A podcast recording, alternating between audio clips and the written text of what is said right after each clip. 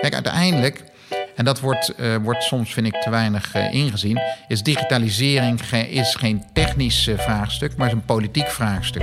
Uiteindelijk gaat het om de vraag: wat voor een digitale samenleving willen wij? Hoe we wonen, hoe onze natuur eruit ziet, hoe we energie opwekken en hoe we reizen. Dat gaat de komende jaren allemaal veranderen. Maar kan dat allemaal wel? En hoe doen we dat? Dit is Nederland verbouwd in zeven vragen. Laten we even iets doen wat we eigenlijk bijna nooit doen. Stilstaan bij de vooruitgang die we hebben geboekt en die ons leven van alle dag heeft veranderd. Zo sta ik hier bij mijn meterkast bij mijn slimme meter. En in de app zie ik, ja, die thermostaat een graadje lager. Dat was een goed idee. Of hier bij de deelauto bij mij om de hoek, die ik gewoon met mijn telefoon kan openen. Het zijn slechts twee kleine voorbeelden van de vooruitgang die we door digitalisering hebben geboekt. Wat vroeger analoog of handmatig moest of helemaal niet ging, gaat nu digitaal. Waardoor de mogelijkheden haast eindeloos lijken. Bedrijven die hier handig op inspelen met hun platforms maken megawinsten. En wij als individuele consumenten plukken de voordelen van het gebruiksgemak. Maar hoe zit het met de samenleving als geheel? Biedt digitalisering kansen die nu nog niet worden benut? Bijvoorbeeld als het gaat om verduurzaming. En als dat zo is, hoe pakken we die kansen dan wel? Mijn naam is Quintin Wierenga en in het antwoord op die vragen begin ik bij Martijn de Waal. Hij is lector aan de Hogeschool van Amsterdam, waar hij de onderzoeksgroep Civic Interaction Design leidt.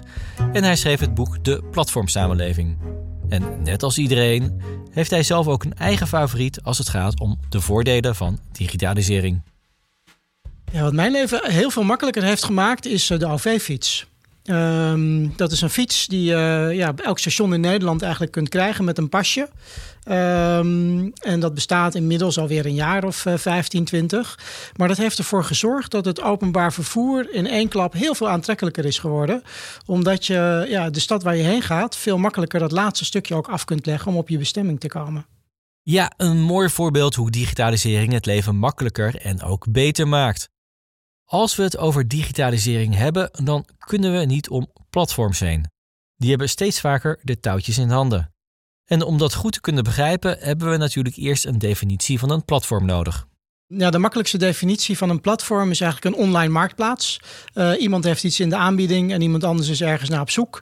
Uh, dus dat kan letterlijk marktplaats.nl zijn voor tweedehands spullen. Het kan ook een, een taxiplatform zijn als Uber. Uh, het kan een platform zijn voor vakantiehuisjes zoals Airbnb.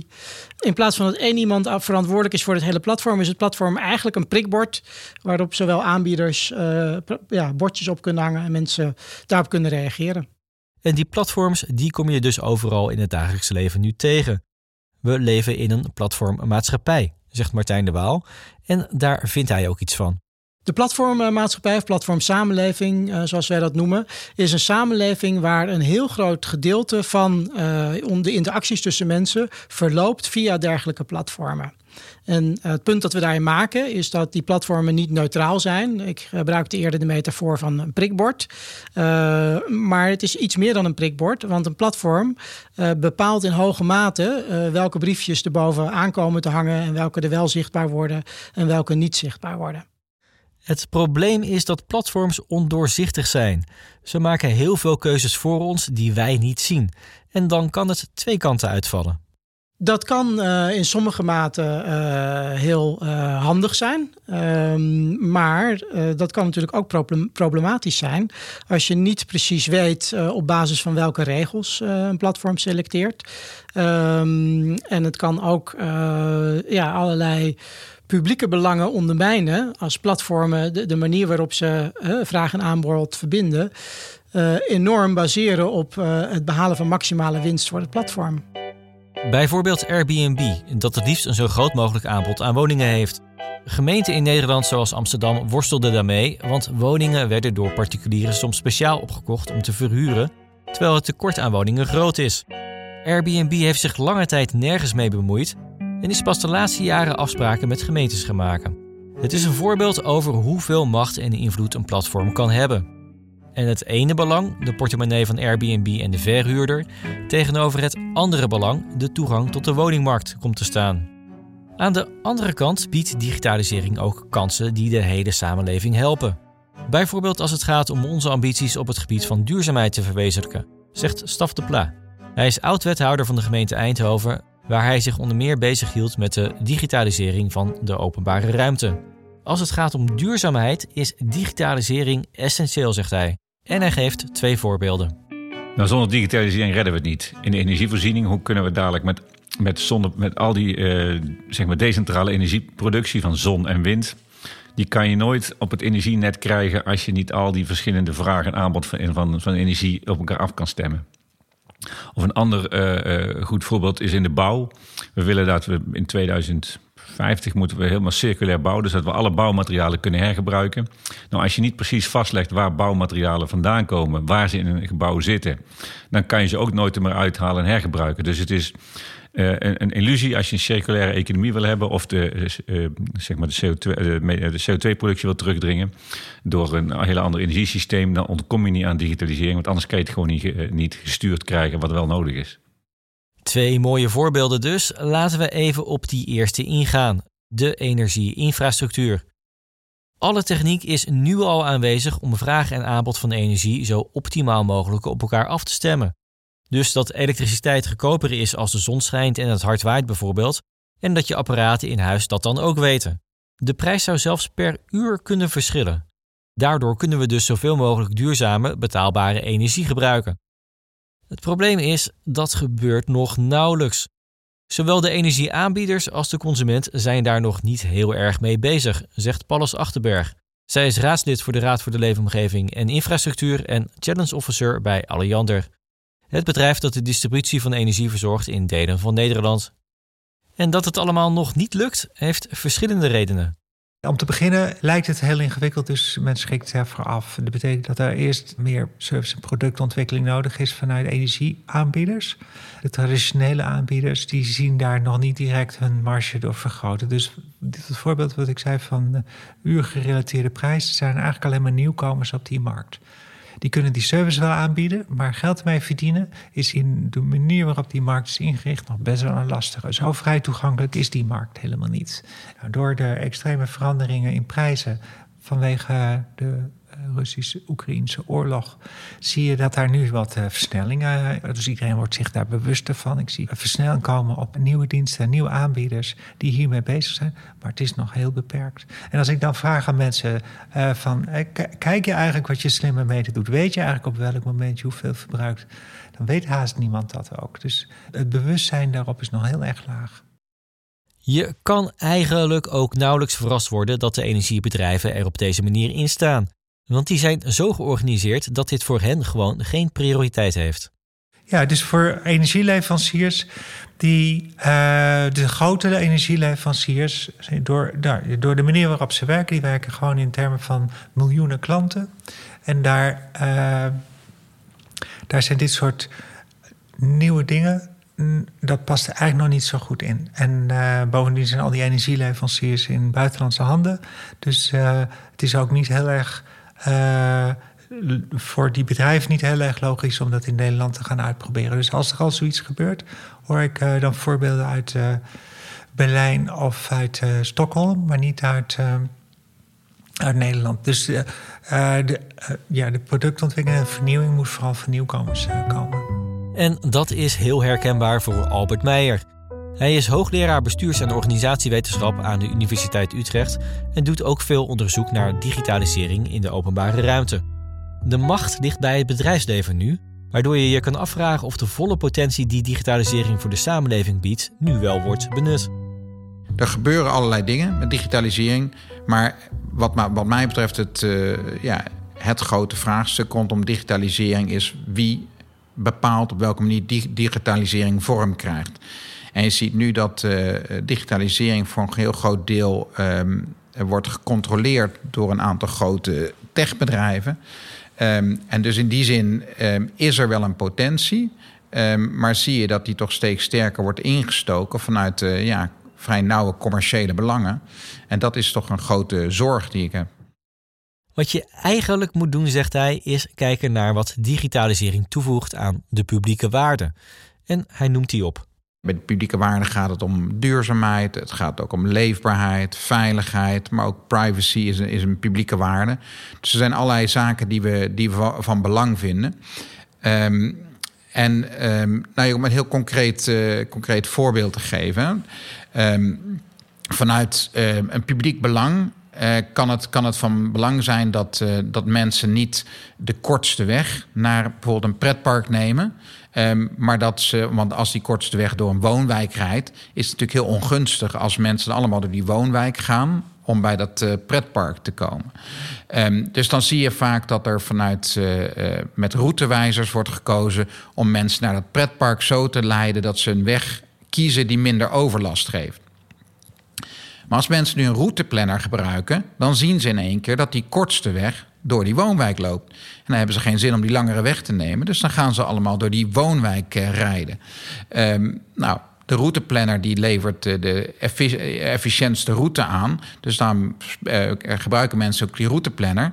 Maar uiteindelijk gevolg voor, de, voor die mensen die aan die straat wonen is heel, heel negatief. Dus op die manier zie je dat een, ja, één publieke waarde, namelijk de snelste route van A naar B tegenover de andere publieke waarden, het minste overlast van verkeer, dat die met elkaar op gespannen voet komen te, komen te staan. En daarom is het dan heel van belang van ja, wie, wie bepaalt nou op welke manier die digitalisering wordt ingevuld. Want als, uh, nou ja, voorheen was het met de. Uh, routeborden die, uh, die de overheid neerzette, kon inderdaad het zo worden opgelost dat mensen er omheen gingen. Um, nu is dat lastiger, omdat die routes niet worden gecontroleerd door de overheid, maar door bedrijven. Een ander treffend voorbeeld hierbij heeft Staf de Pla uit zijn tijd als wethouder in Eindhoven. Ze hadden daar net een experiment gedaan om te kijken hoe je mensenmassa's in een uitgangsgebied kon sturen en wilden daarna kijken of je ook met data de doorstroming van het verkeer kon regelen. Want daardoor komen mensen sneller van A naar B, staan er minder files en is er minder uitstoot. Ze kregen hulp aangeboden van een heel bekende partij. Maar die hulp kwam wel met een prijs en dat leverde weer nieuwe inzichten op. Toen waren we met Tom Tom, die zei van nou, we hebben van die kastjes. Als, wij gegeven de gegevens van de, de auto's waar wij onze kastjes in hebben, die gebruiken wij aan jullie door te geven, waardoor je de stoplichten en de verkeersstromen beter kan regelen. Maar dan zijn die data uh, wel van ons. Jullie mogen ze de eerste zes jaar behandelen, gebruiken, maar daarna zijn ze voor ons. En wij dachten, hé, hey, dat is interessant. Dus gewoon een gratis uh, dienst, waardoor onze dienstverlening van onze inwoners beter kwam. Maar toen kwamen we in gesprek met mensen van NXP. Dat zijn, uh, dat zijn een hele grote chipfabrikant die bij ons in de regio zit. Die zeiden, moet je nooit aan beginnen. Want op het moment dat je die data aan TomTom Tom hebt gegeven... dan kan je ze niet meer aan een andere dienstverlener gegeven. Nou, zo is langzaam maar zeker het idee ontstaan van... de ene kant makkelijk data, dan kan je fijn diensten aan je inwoners uh, leveren. Maar al snel kwam er ook een andere kant van... ja, maar als je dat zomaar gratis weggeeft aan één iemand, dan zit je eraan vast en dan kan iemand anders die beter de diensten kan doen ten behoeve van jouw inwoners, die kan je niet bedienen. Nou, en dan kan je natuurlijk hebben over duurzaamheid. Dat is dan de volgende stap, is van je wil namelijk het, het, het verkeer makkelijker maken. Waardoor er minder mensen met de auto, maar meer met, met anderen met de fiets of te voet gaan. Nou, dan heb je ook uh, informatie nodig over waar wie is en welke vervoersmodaliteiten er zijn. Dat moet je aan je inwoners kunnen geven. Nou, op het moment dat dat bij één iemand terechtkomt, dan zijn je inwoners gedwongen om aan die ene persoon zaken te doen. En dat is, terwijl als er misschien iemand anders het beter doet, of juist wel iets met duurzaamheid doet, door te stimuleren van jouw tips geeft van uh, dat is de meest duurzame vorm, terwijl die andere vooral pusht richting uh, de auto of uh, andere methaan of CO2-uitstotende activiteiten, dan, dan, dan, dan, dan heb je, verlies je een kans om toch op duurzaamheid te sturen. Dus zo zijn we langzaam erin gerold. En kwam, in het begin was het vooral plat betere diensten en service voor onze inwoners. En langzaam kwamen die andere belangen, bleken dat die, dat die daar ook heel erg aan verbonden zijn. Ja, wat gebeurt er als je de data weggeeft aan een machtige partij? En hoeveel regie moet je willen pakken als overheid? En hoeveel regie kan je eigenlijk pakken? Het waren vragen waar ze toen al in Eindhoven mee worstelden. Maar bij de landelijke overheid werd dat probleem in die tijd amper erkend. Ja, we hadden dit, dat weet ik goed, want toen ging ik in die tijd als wethouder, 2014 denk ik, ging ik met het ministerie van Economische Zaken langs om te, praten van jongens, wij willen regels en we willen beleid hebben, zodat we voorkomen dat we lock-in krijgen, dat, je dat, dat er één bedrijf, dat we daaraan verbonden zijn en niet met een ander kunnen. Of we willen uh, uh, spelregels, omdat wij ook eisen willen kunnen stellen aan wie er onze data verzamelt eh, in de publieke ruimte, van wie die dan zijn. En dat het eigenlijk data van ons allemaal zijn en niet van één bedrijf wat het toevallig verzamelt. En toen kregen we heel echt reacties van jongens, dat is, uh, je moet het bedrijfsleven vooral de ruimte bieden, die innoveren en dan komt het vanzelf goed. Nou, nu zijn we een jaar of nog een jaar of acht verder en de wereld is natuurlijk totaal veranderd. Want iedereen weet nu, ook zelfs bij het ministerie van Economische Zaken, dat als jij niks doet, dat je een paar monopolies krijgt. Nou, dat is heel slecht voor innovatie. Als je niks doet, dat betekent ook dat je privacy van je inwoners uh, zeg maar niet goed geborgd zijn. En als je niks doet, betekent ook dat je de, net wat je in de rest van de economie wel normaal vindt om te sturen, om het publiek belang te borgen, dat je in de digitale wereld ook moet doen. Anders kan je, eh, ja, dan kan je wel vergeten je publieke belangen te borgen. En daar ben je als overheid toch voor. Dus je moet, anders dan je dacht van, nou laat het maar aan hun over, kan je er niet omheen dat je, dat je daar toch als overheid een verantwoordelijkheid moet nemen. Ja, het besef is er dus nu wel aan het komen, maar tegelijkertijd dendert de opmars van platformen nog steeds door, waarschuwt Martijn de Waal. En dat verandert de spelregels. Een van de ontwikkelingen die we, die we wel zien, um, en, en dat is niet per se, uh, naar mijn idee, een positieve, um, is dus dat je door, op, de opkomst van die, uh, van die platformen... je eigenlijk op een soort microniveau allerlei uh, rechten op nieuwe manieren kunt, uh, kunt gaan organiseren. Um, hè, dus je kunt bijvoorbeeld een navigatiesysteem... kun je koppelen aan allerlei verschillende soorten abonnementen. Dus alleen de mensen met een premium abonnement... die krijgen de omwegen rondom de files te zien. of andersom kun je ook denken dat bijvoorbeeld um, een bepaalde straat uh, tussen vijf en zes uur s middags uh, of op het moment dat de school uitgaat, niet zichtbaar wordt in het navigatiesysteem van, van taxis. Uh, omdat we hebben bedacht dat we dan die straat rustig willen houden, omdat er dan heel veel kinderen zijn. Dus in plaats van dat je regulering voor een stad als geheel gaat maken, ga je een soort microregels op straatniveau opstellen. Um, en dan is de vraag, maar wie maakt die regels dan? Is dan het, het, platformbedrijf die dat doet voor premium customers? Is dat een overheid die zegt van nee, wij gaan dat reguleren, wij gaan bepalen welke data enzovoort ze wel en niet in zo'n platform gebruikt mag worden? Um, gaat dat leiden tot nieuwe vormen van ongelijkheid. Hè? Omdat uh, ja, bewoners in een rijke wijk uh, veel beter zijn in zich organiseren en lobbyen. Dus die zorgen misschien dat uh, hun plattegrond wel buiten zo'n platform blijft. En dus dat mensen dus daar niet heen worden geleid om te parkeren. Maar een armere buurt niet die know-how en toegang heeft. Um, dus ja, wat ik, wat ik een ontwikkeling is een, een, een vergaande ja, individualisering, hè, waarbij de stad, uh, die ooit uh, in het teken stond van een soort universele toegang. Hè, dus het idee van wegen, riolering, elektriciteit. Hè, daar worden alle burgers op basis van gelijkheid uh, op aangesloten. En dat verenigt ze ook als burgers van die stad dat we dat idee eigenlijk loslaten. Uh, de stad vooral als een verzameling diensten gaan zien die verkocht kan worden aan individuele consumenten. Paulus Achterberg ziet dezelfde gevaren. Je moet dus voorkomen dat een platform te veel macht krijgt door bijvoorbeeld normen te stellen waaraan platforms moeten voldoen. Maar dan moet je die normen wel kunnen stellen, zegt zij. Wat ik eigenlijk het allerbelangrijkste vind als, als effect van digitalisering, is dat je al gauw in een winner-takes-all situatie terechtkomt. En op het moment dat je in een winner-takes-all situatie terechtkomt, of het nou over ICT zelf gaat, over big tech, over mobiliteit, uh, dan zie je dat uh, op een gegeven moment stuurmogelijkheden vanuit de politiek kleiner worden. En uh, dus die normen stellen, die kan alleen maar als je ook normen te stellen hebt. Als je zegt van ja, wij kunnen hier wel normen over gaan stellen, maar het is uh, zo internationaal, wat hebben wij hier nog over te vertellen? Hoe zou Nederland nou normen kunnen stellen over wat Facebook wel of niet op Facebook moet zetten? Of Twitter? Dat kan je eigenlijk al niet meer. Je, betekent, je bent je democratische sturing kwijtgeraakt omdat die big tech te groot is geworden en te internationaal opereert. Dus je moet als politicus doen wat je wel kan doen, zegt zij.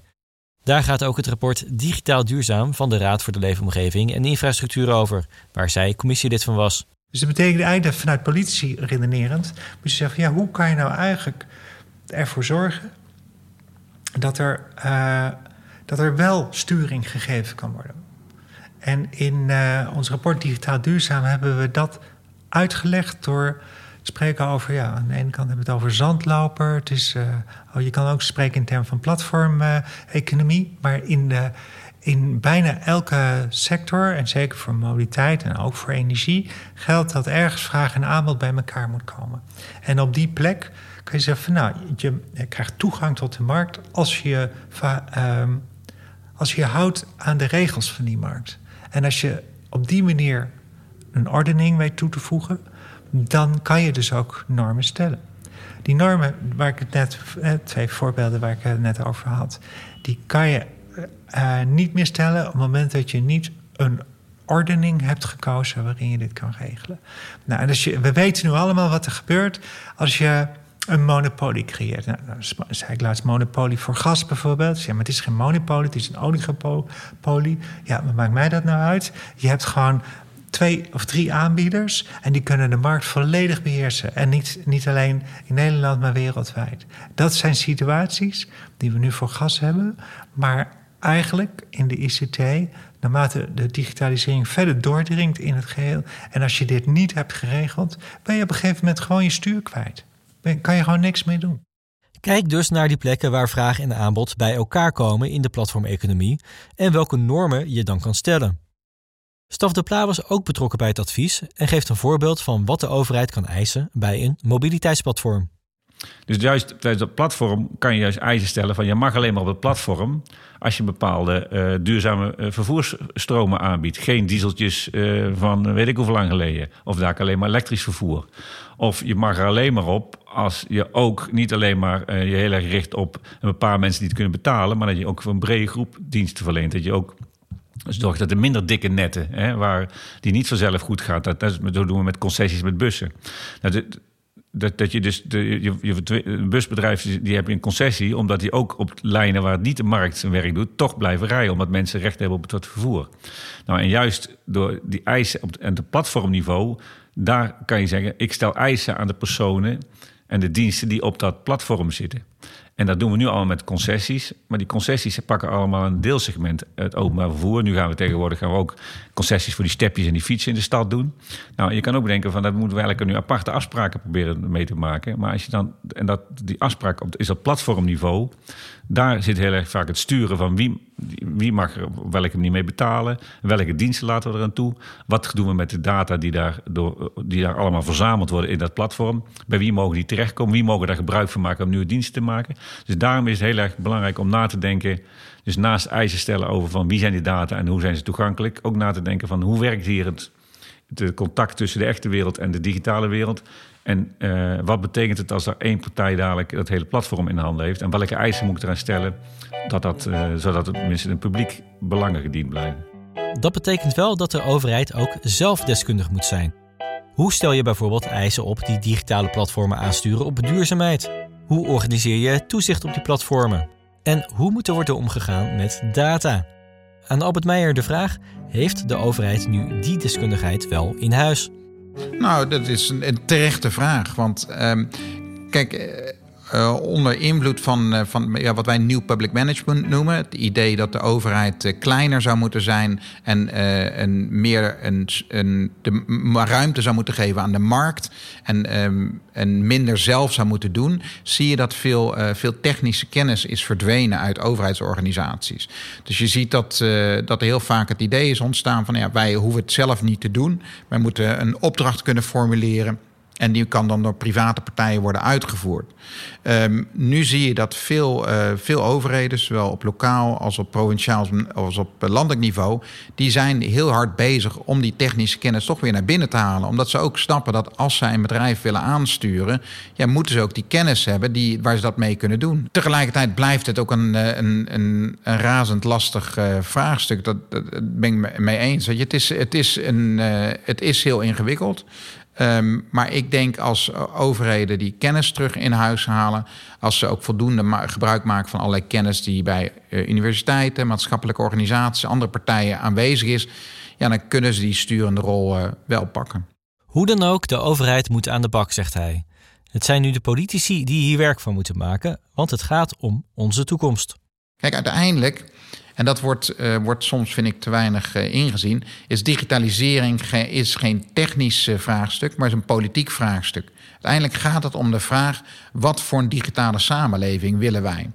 En die politieke vraag die kan nooit door bedrijven worden beantwoord. Of die kan wel door bedrijven worden beantwoord, maar dan is het risico dat we in een samenleving terechtkomen waar we niet in terecht willen komen. Omdat allerlei kwetsbare waarden, zoals privacy en duurzaamheid, onvoldoende behartigd worden door bedrijven.